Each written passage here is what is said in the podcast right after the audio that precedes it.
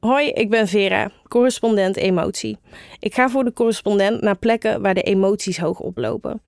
Een onderwerp bij uitstek waar de emoties altijd hoog over oplopen is sekswerk. Of u nu praat met voor- of tegenstanders, uh, beleidsmakers, sekswerkers zelf.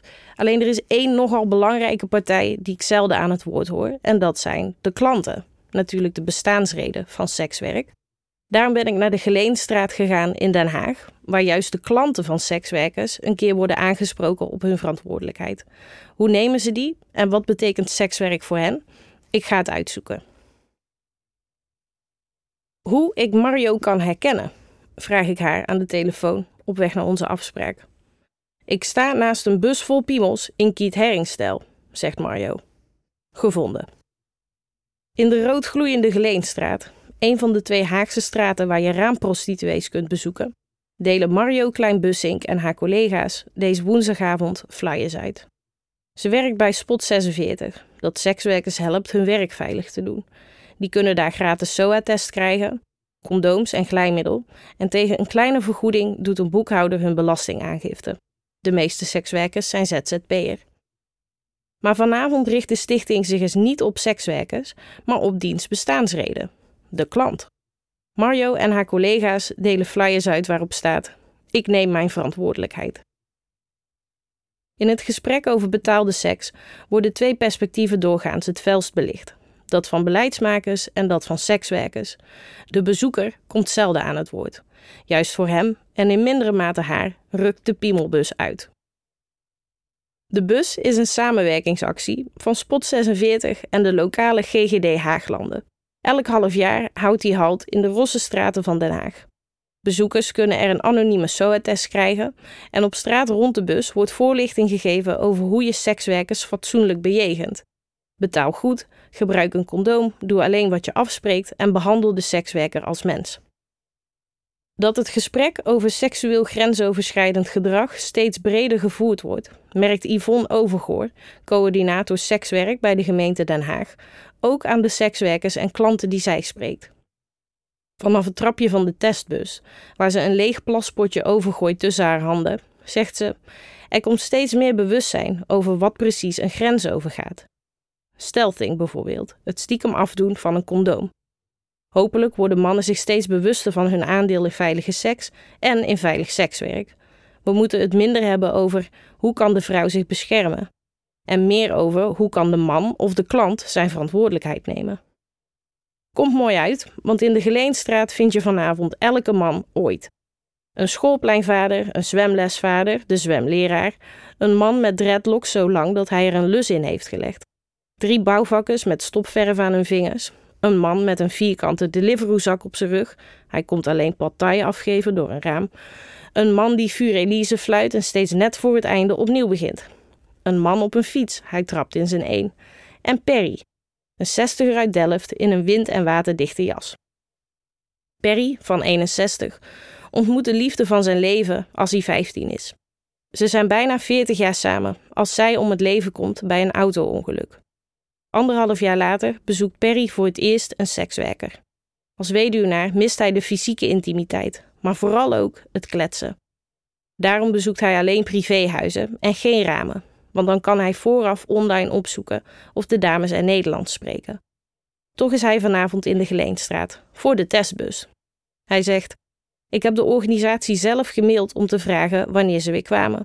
Het voelt veilig om me hier te laten testen, omdat iedereen normaal doet over, en hij gebaart naar de ramen, dit allemaal. Perry's eerste bezoek aan een sekswerker was naar eigen zeggen een beetje vreemd. De hele sfeer, er lag een rode glimmende vloer, dat is toch bijzonder. Inmiddels is hij er op zijn gemak. Hij gaat elke drie weken en brengt dan voor 150 euro een uur door met een vrouw naar keuze. Welke verantwoordelijkheid neemt Perry als klant? Hij gebruikt condooms en maakt van tevoren afspraken over wat ze gaan doen. Altijd in het Nederlands dus, om misverstanden te voorkomen. En hij let erop dat de dame er zelf ook een beetje zin in heeft. Hij trof eens een meid die, en ik quote, met lange tanden tegenover hem zat. Toen haakte hij af. Perry zegt: Dan krijg je toch het idee dat ze daar niet uit eigen beweging zit. Daar wil ik niet aan meewerken. Op kringverjaardagen houdt hij het voor zich. Maar voor zijn beste vrienden is het geen geheim dat Perry wel eens betaalt voor seks. Meer openheid van klanten daarover zou volgens hem goed zijn. Hij zegt: Het oudste beroep ter wereld en zo, laten we niet doen alsof niemand er gebruik van maakt. Zolang niemand praat over hoeveel plezier ze eraan beleven, hoor je alleen verhalen over dingen die misgaan.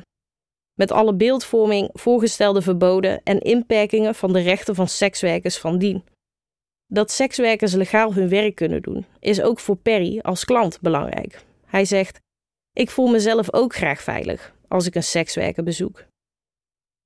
Precies de reden dat Eve uit Noord-Ierland vandaag 800 kilometer vloog, toen een trein en daarna een tram pakte naar de Geleenstraat. Haar naam klinkt een beetje als Eefje, zo leerde ze tijdens een vorig bezoek aan Nederland. Ze is hier regelmatig, want in haar thuisland kun je gearresteerd worden als je iemand betaalt voor seks.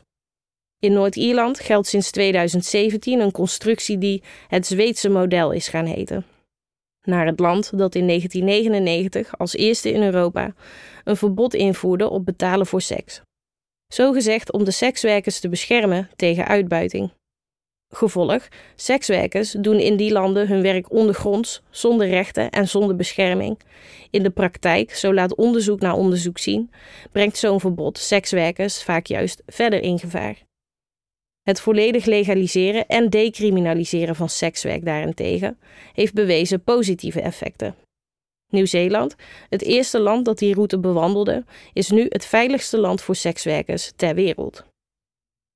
Yves loopt traag langs de ramen. Cool drinks, hot girls, staat erop. Sado, Masso, Albanian, massage, spanking, no sex, extreme fantasy. Ze weet nog niet of ze vanavond ergens naar binnen gaat. Ze zoekt, vermoedt ze, iets anders in sekswerk dan de meeste mensen die hier rondlopen. Ze zegt: Heteroseks is vaak afgelopen als de man gespoten heeft. Zo recht toe aan is het voor mij niet. Yves kreeg bij de geboorte het label man en identificeert zich als vrouw. Haar transitie liep vast omdat ze ziek werd van de vrouwelijke hormonen. Dus, zegt ze, nu zie ik er nog steeds uit als man, maar dan, en ze brengt haar gezicht dicht bij het mijne en knippert. Ook nog eens zonder haar. Zie je, zelfs mijn wimpers vielen uit. Sekswerkers zijn voor Yves een veilige plek om te oefenen. Door de hormonen is haar geslachtsdeel naar eigen zeggen nogal onbetrouwbaar geworden. En, zegt ze, ik heb borsten. Dus wanneer ik me zou uitkleden bij een partner die ik in het wild ontmoet, voel ik me verplicht van alles uit te leggen. Sekswerkers hebben alles al gezien. Die hebben over het algemeen een veel minder beperkt idee van wat een lichaam is, wat seks is. Dan schiet ze ongenadig in de lach. Ze wijst naar de testbus, waarop naast piemels ook vulva's, tieten, tongen en ballen te ontwaren zijn. Ze schokschoudert. Ik zie werkelijk overal prolaps in. Zo ook in de Keith onderste bovenhartjes, waar ik vooralsnog balzakken in zag. Een prolaps krijg je als je interne organen verzakken en via je kont naar buiten komen. Gebeurt wel eens tijdens de anale seks. Yves, en waar het hart van vol is. Yves gaat de bus in voor haar test. Tussen zes en half negen vandaag zijn zij en zo'n twintig anderen binnen geweest. Dat is gemiddeld volgens coördinator Yvonne. Op een rustig moment schiet ik zelf de bus in voor een consult. We doen even alsof ik een man ben. Cisgender vrouwen worden tijdens deze specifieke actie niet getest. Er zijn twee verpleegkundigen. Een medewerker stelt me vragen over mijn gezondheid, mijn seksuele activiteit, eventuele eerdere SOA's. De andere neemt bloed af en geeft me een plaspotje.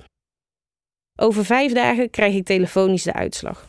Mochten ze iets vinden, dan kan ik antibiotica ophalen bij de GGD en ben ik volgens de verpleegkundige een week later weer zo goed als nieuw. Tegen vrijwel alle SOA's helpt een kuurtje, behalve tegen herpes. Dat is voor het leven. Buiten krijg ik van Mario van Spot 46, zelf voormalig sekswerker, en Emily Daams, maatschappelijk werker en voormalig verpleegkundige voor sekswerkers, nog wat insider SOA-preventietips die ik de moeite van het delen vind. Met diepthroten, een penis diep in je keel nemen tijdens het pijpen, heb je meer kans op een SOA. Hoe dieper de keel in, hoe dunner het slijmvlies, hoe makkelijker ziektekiemen overspringen. En er bestaat tegenwoordig een soort morning after pill voor HIV, genaamd PEP. Niet te verwarren met de druk. Het is bijna half negen. Dan is de klantenactie klaar. Er staat nog een rij van vijf mannen voor de testbus. dus er worden geen nieuwe meer aangesproken. Elke man ooit is nog steeds in de Geleenstraat. Een man met een Mechelse herder, een man in tweed, een man met een uitbundige drankkegel die nog wat gratis condooms komt pakken. Dank jullie wel, schatjes. Twee pubers roepen vanaf een afstandje naar Mario van Spot 46. Wordt er iets ingestopt? Nee, nee, ik kan echt geen bloed prikken, mevrouw. Ik heb lage bloedsuiker. Mario, die lachend een stapel flyers terug in een doos steekt, vindt het mooi om te zien hoeveel interesse de klanten vanavond hadden in haar verhaal. En, benadrukt ze, dat is geen uitzondering. Mario vertelt: klanten vinden van alles bij een sekswerker: ontlading, bevestiging, een luisterend oor. Maar vaak heb je als sekswerker ook veel aan je klanten. Toen mijn moeder overleed, was mijn familie nergens te bekennen. Maar mijn vaste klanten vroegen altijd of het ging, of ze iets voor me konden betekenen. Sekswerk is geen eenrichtingsverkeer. Yves heeft de bus verlaten en haar rondje langs de ramen hefvat. Ze vertelt hoe zij haar verantwoordelijkheid neemt. Ze zweert bij ongoing enthusiastic consent, doorlopende enthousiaste instemming. En dat begint bij het zorgvuldig uitzoeken van een sekswerker met wie ze een klik voelt. Ik ben, zegt ze, op zoek naar iets vertrouwds. Het zit hem voor mij echt in iemands glimlach. Maar, grinnikt ze, dat gelooft hier natuurlijk niemand. Het is de missie van de correspondent om voorbij de waan van de dag te gaan. Onze correspondenten voorzien het nieuws van context en schrijven over de grote thema's van deze tijd. De correspondent geeft me de vrijheid om mijn nieuwsgierigheid te volgen en de tijd om verhalen te schrijven. En zo probeer ik onzichtbare structuren zichtbaar te maken en een andere kijk te bieden op debatten die het nieuws domineren. Dan gaat het minder over het spelletje en veel meer over wat er op het spel staat. Vanaf dag 1 zijn onze artikelen, boeken en podcasts gefinancierd door onze leden. Volg ons op onze journalistieke zoektocht. Overweeg eens lid te worden van de correspondent. En maak daarmee samen met ruim 70.000 anderen onze onafhankelijke journalistiek mogelijk. Dus word lid van de correspondent. Ja. Word lid. Word lid.